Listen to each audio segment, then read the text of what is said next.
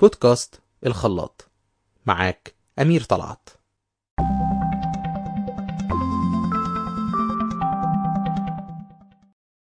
اللهم امنحني السكينة. لأتقبل الأشياء التي لا أستطيع تغييرها. والشجاعة لتغيير الأشياء التي أستطيع تغييرها. والحكمة لمعرفة الفرق بينهما. اتكلمنا في الحلقة اللي فاتت عن بداية دعاء السكينة. واتكلمنا أكتر عن أول جزء وهو السكينة. والنهاردة حلقتنا في بودكاست الخلاط هتكون عن الجزء التاني وهو الشجاعة. الدعاء بيقول اللهم امنحني الشجاعة لتغيير الأشياء التي أستطيع تغييرها. كتير ببقى عايز أتغير وأكون أفضل. كتير ببقى واقف قصاد العيوب والمشاكل والمعوقات وعارفها ويمكن كمان أكون عارف الحل بس مش قادر أخد خطوة. مش قادر أبتدي. فمثلا لو اخترنا حاجة بسيطة جدا بنعدي فيها ال diet مثلا. كتير بنقول أنا تخنت حاسس إني المفروض أقلل كميات أكلي أو أظبط ال calories أو أبدأ رياضة سواء في الجيم أو workout في البيت. لكن كم حد بعد الكلام ده بيبتدي فعلا؟ نسبة قليلة. وكم حد من اللي بيبتدوا بيكملوا؟ نسبة أقل. لو عايز أبتدي آخد خطوة أنا محتاج شجاعة. وهنا لازم نفرق ما بين الشجاعة والحماسة. الحماسة هي إن الفكرة تضرب في دماغي وأحس إني لازم أبدأ وأفضل أقول أنا هبتدي دايت من بكرة. أنا كده خلاص لازم أسيطر على جسمي لازم ألحق نفسي قبل ما أبتدي أتعب بسبب السمنة. بكرة الصبح أنا هبدأ. ده غالبا بيفضل مستني بكرة ومش بيجي. لأنه متحمس بس للفكرة لكن مش شجاع كفاية. الشجاعة هي إني أكون حاسب المخاطر وفاهم الخطوة اللي هعملها ومدرك صعوبتها لكن مكمل فيها علشان عايز أعمل ده. وده اللي بيخلينا ندعي إننا محتاجين شجاعة مش حماسة.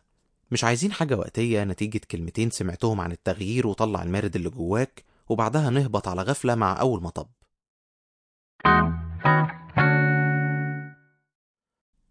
الحلقة اللي فاتت اتكلمنا عن السكينة قصاد الحاجات اللي مش قادرين نغيرها. والحلقة دي بندعي الشجاعة علشان نبتدي نغير الحاجات اللي نقدر نغيرها. والجميل في الموضوع إن كلها حاجات متعلقة بيا أنا. أنا ما أقدرش أغير حد. ما أقدرش أجبر حد إنه يتغير على مزاجي. لكن أنا أقدر أغير نفسي. والبداية بتكون في الفكر. الأفكار والمبادئ اللي عندي هما منبع تصرفاتي وردود أفعالي. علشان كده مهم جدا أراقب أفكاري. أحلل وأشوف هو أنا عملت التصرف ده ليه؟ وراه قناعة بإيه؟ إيه المبدأ اللي بيحركني؟ الخطوة دي كبداية هتاخد وقت. غير إنها هتستمر طول عمري. زي بالظبط اللي بيظبط أكله وبيروح جيم لازم يواظب طول الوقت ويبقى ده lifestyle أو طريقة للحياة. وجود حد جنبك مرشد أو مشرف على الخطوات دي بيتأكد بس إنك على التراك المظبوط. دي حاجة مهمة جدا علشان يبقى في عين تانية تساعدك على الاستبصار. وكمان حد يتابعك ويشجعك لما تريح في السكة. وفي حاجات تاني بتساعدك زي مثلا تحليل الأفكار التلقائية. يعني لما بتعدي في موقف ويطلع منك نفس التصرف التلقائي الطبيعي بتاعك. التحليل ده بيساعدك تفهم إيه اللي وصلك للسلوك ده. ولو تحب ابعتلك الجدول ده مع شرح ليه ابعت لي رسالة على صفحة الخلاط على الفيسبوك أو الإنستجرام.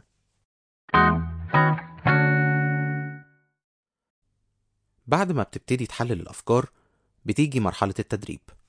ولو رجعنا للمثال بتاع الجيم يبقى بعد ما عرفت المفروض هعمل إيه وإيه اللي أبتدي بيه والمفروض أدخل جسمي كام سعر حراري وإيه نوعية الأكل المناسبة المفروض بقى أبتدي التمرين وأنفذ ده.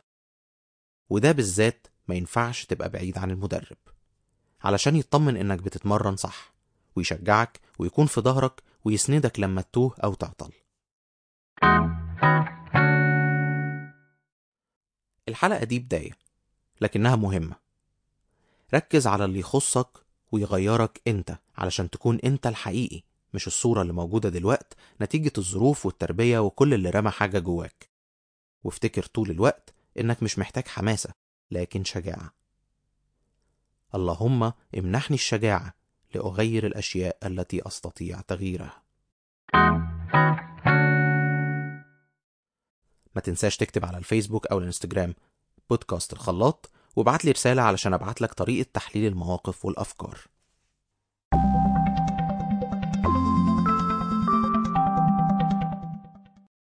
شكرا لمتابعتك بودكاست الخلاط.